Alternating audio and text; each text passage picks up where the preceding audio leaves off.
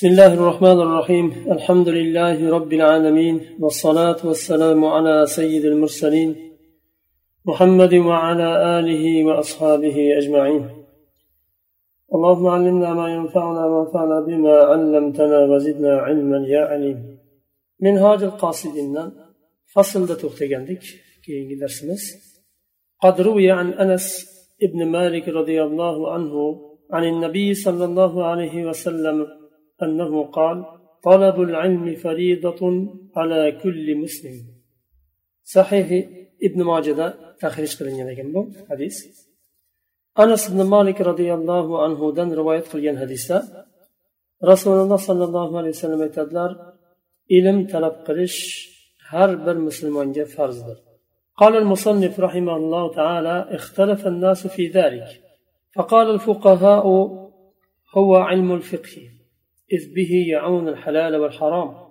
وقال المفسرون والمحدثون هو علم الكتاب والسنة إذ بهما يتوصل إلى العلم كلها إلى العلوم كلها. وقالت الصوفية هو علم الإخلاص وآفات النفوس. وقال المتكلمون هو علم الكلام إلى غير ذلك من الأقوال التي ليس فيها قول مرضي. والصحيح أنه علم معاملة العبد لربه مصنف رحمه الله aytadilar olimlar bu ilm xususida ixtiloflashdi farz bo'lgan ilm xususida hadisda rasululloh sollallohu alayhi vasallam aytdilar ilm talab qilish har bir musulmon uchun farzdir dedilar bu farz bo'lgan ilm nima deganda fuqarolar aytdilarki fiqh ilmini ta'lim olishlik dedilar chunki fiqh ilmi orqali halol va haromni o'rganadi. Mufassirlar va muhaddislar aytdilarki qur'on va sunnatni ta'lim olishi chunki shu qur'on va sunnat bilan boshqa ilmlarga yetadi dedilar. Sufiylar aytdilar ixlosni va nafsning ofatlarini ta'lim olishlik. Ixlos ma'lum har bir amalda ixlos bo'lishi kerak va nafsning ofatlari insonni ollohdan uzoq qiladigan va nafsini halokatga tushiradigan narsalarni o'rganishligi mutakallimlar aytdilarki falsafachilar ilmul kalamni o'rganish kalom ilmi u falsafa ilmi. Va shunga o'xshagan va bulardan boshqa ham so'zlar aytilindi. Birortasida bularni bir rozi bo'ladigan to'liq bir so'z yo'q dedilar. Sahihroni aytganda u banda robbisi bilan qanday muomala qilishni o'rganishligidir. Bunday deganda hammasi kiradi.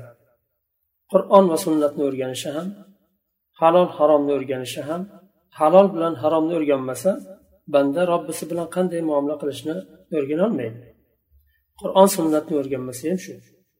ixlosni o'rganmasa ham nafsni ofatlarini o'rganmasa ham banda robbisi bilan to'g'ri muomala qilolmaydi والمعاملة التي كلفها على ثلاثة أقسام اعتقاد وفعل وترك insonlar taklif qilingan mukallaf qilingan muomala uch qismga bo'linadi e'tiqod qanday e'tiqod qilish kerak fe'l bir narsani qilishlik va tark qilishlik shundan iboratdir فإذا بلغ الصبي فأول واجب عليه تعلم كلمتي الشهادة وفهم معناها yosh bola balog'atga yetishi bilan birinchi unga vojib bo'ladigan narsa shahodat kalimasini ta'lim olishligi va uni ma'nosini tushunishlik وإن لم يحصل ذلك بالنظر والدليل لأن النبي صلى الله عليه وسلم اكتفى من أجلاف العرب بالتصديق من غير تعلم دليل yosh bola balog'atga yetsa dedik shahodatni ta'lim olishligi va ma'nosini uni agar dalil bilan o'rganmasa ham qur'ondan hadisdan dalillarni keltirib o'rgatilmasa ham faqat la ilaha illalloh muhammad rasululloh shahodat kalimasini yoyinki ashhadu an la ilaha illalloh va ashhadu anna muhammadan abduhu rasuluhu bu kalimani yodlab o'rganib ma'nosini o'rganishligini o'zi kifoya qiladi. Agar dalilini bilmasa ham yosh bolani nazarda tutilyapti balog'atga yetganda chunki rasululloh sollallohu alayhi vasallam arablar iymonga kelganda ulardan faqatgina olloh yakka ekanini tasdiq qilishni talab qildilar.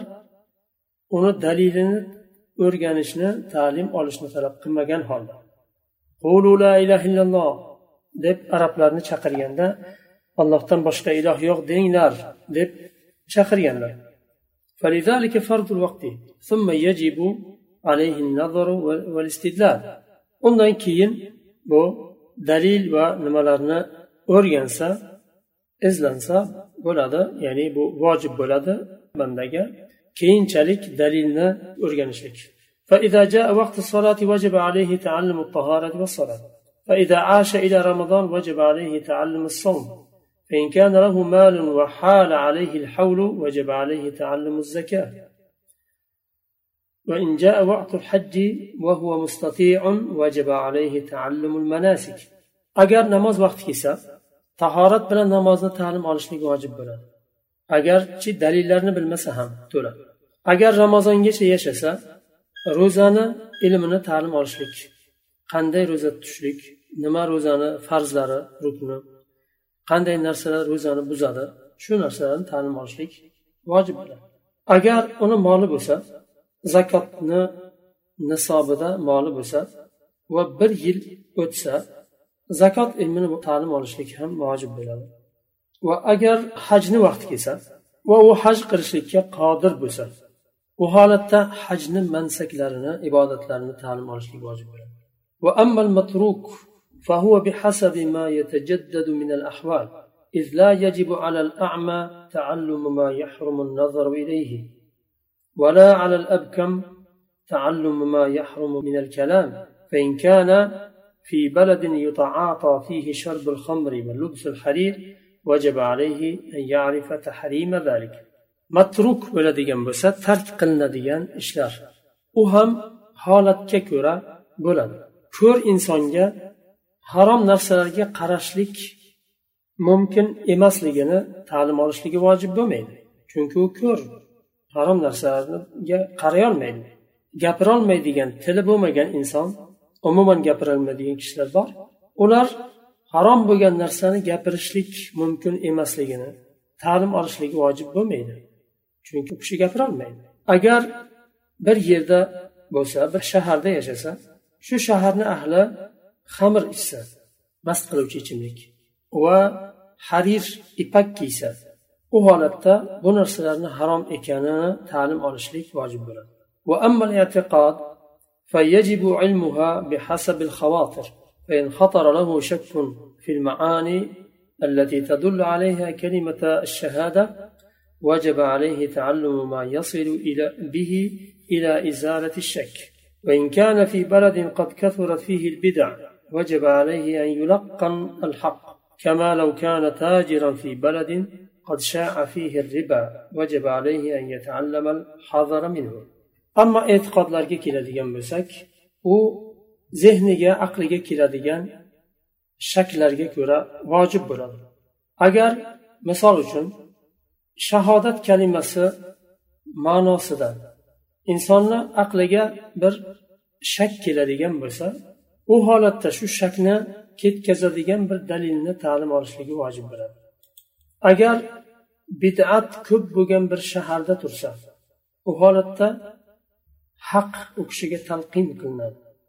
Agar bir tojir bir shaharda yashasa va shu shaharda ribo keng tarqagan bo'lsa u kishiga ribodan chetlanishlik o'rgatilinadi ta'lim beriladi ya'ni u kishini o'ziga shuni ribodan chetlanishlik ta'lim olishligi vojib bo'ladi وينبغي أن يعلم الإيمان بالبعث والجنة والنار qayta tirilishlikka bo'lgan iymonni o'rganishlik jannat va jahannam haqida o'rganishligi ham vojib bo'ladi فبان بما ذكرنا أن المراد بطلب العلم الذي هو فرض عين ما يتعين وجوبه على الشخص bu yuqorida zikr qilib o'tgan narsalardan bayon bo'ladiki hadisda zikr qilingan farz bo'lgan ilm talab qilishlikdan murod u bir shaxsga vojib bo'lgan narsadir فأما فرض الكفاية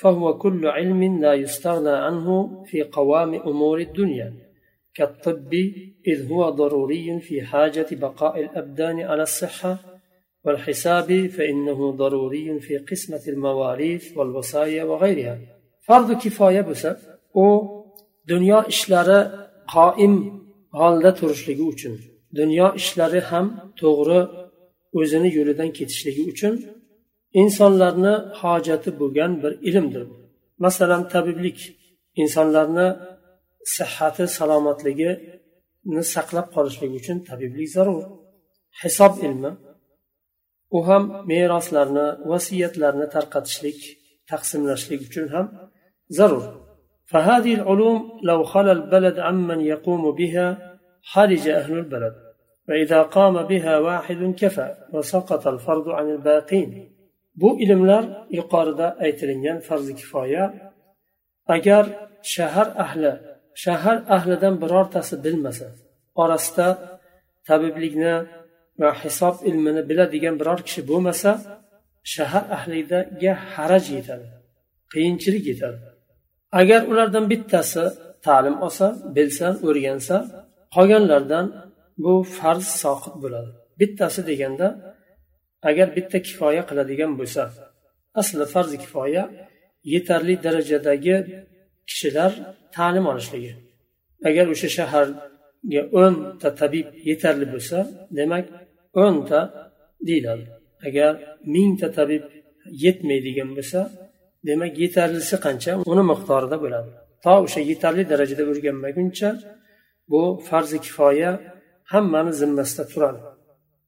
Qachonki o'sha yetarli darajadagi insonlar ta'lim olsa undan keyin soqit bo'ladi qolganlardan. ولا يتعجب من قولنا إن الطب والحساب من فروض الكفاية فإن أصول الصناعات أيضا من فروض الكفاية كالفلاحة والحياكة والحجامة. فإنه لو خلى البلد من حجام لأسرع الحلاك إليهم. فإن الذي أنزل الداء أنزل الدواء وأرشد إلى استعماله.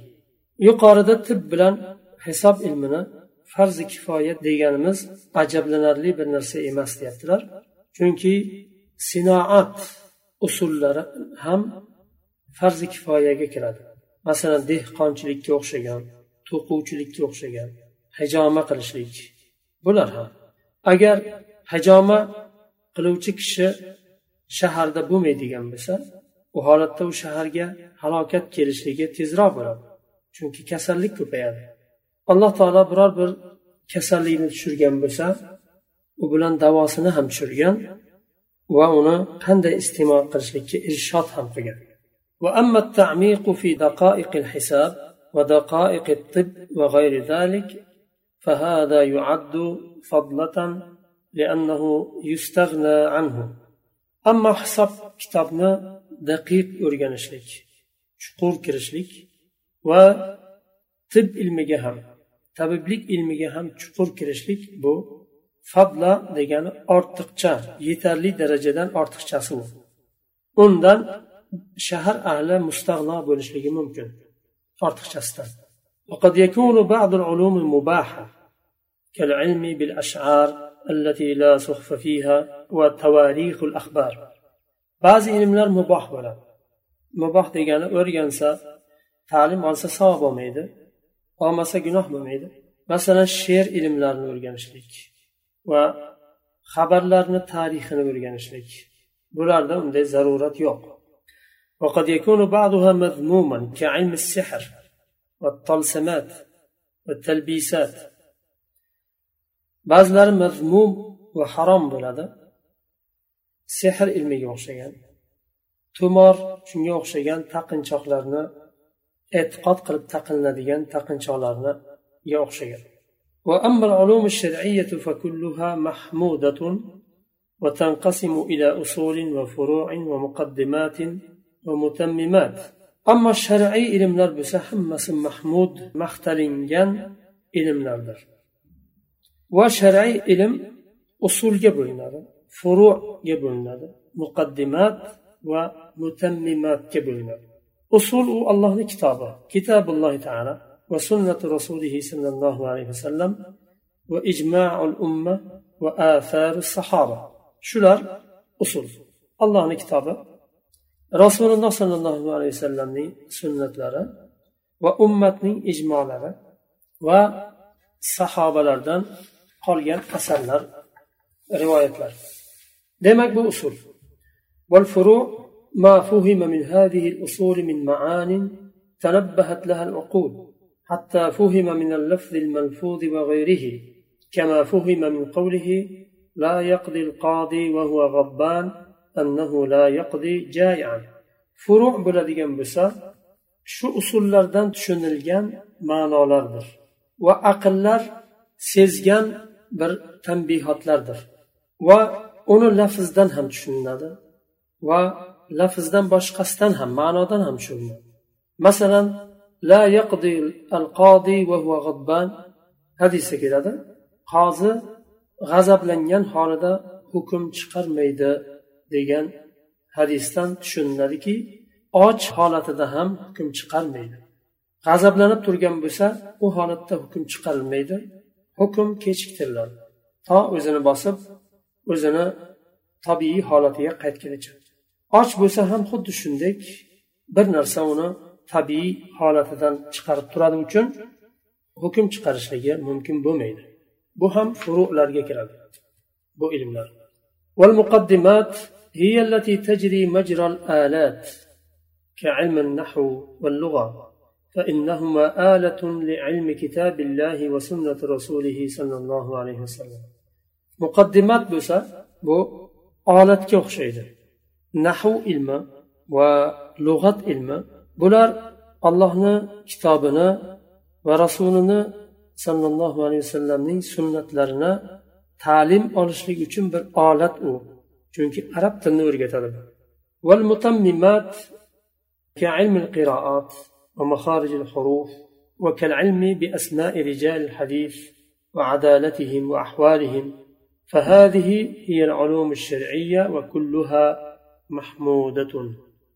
Mutammimat bo'ladigan bo'lsa muqaddimat u ya'ni muqaddimat deganda bir narsaga kirishdan oldin muqaddima beriladi. Masalan muqaddima deganda so'z boshiga o'xshaydi. So'z boshi muqaddima bo'ladigan bo'lsa ilmdagi muqaddima ilmga hozirlik qilib kirish uchun olinadigan ilmlar. Mutammimat bo'ladigan bo'lsa shu ilmni komillashtirishlik qiroat ilmlar masalan mutavotir bo'lgan yetti qiroat bor. Buni birisini yaxshi bilishlik yetarli. Ammo mukammallashtiraman degan kishi hammasini ta'lim oladi. Mahorijil huruf har bir harfni mahrajini to'g'ri talaffuz qilishni ta'lim olishlik bu mutammimat va hadis ilmini rijollarini ismlarini ta'lim olishlik. Va ularni adolati ahvollari rijol ilmi ham alohida bir ilm. Lekin u mutammimatga kiradi. Bularning hammasi shar'iy ilmlardir. Usul furu muqaddimat va mutammimat hammasi shar'iy ilmga kiradi. Bularni hammasi shar'iy ilm hisoblanadi va hammasi mahmud maqtalingan ilmdir. Shu yerda to'xtaymiz. Subhanakallohumma bihamdik. أشهد أن لا إله إلا أنت أستغفرك وأتوب إليك.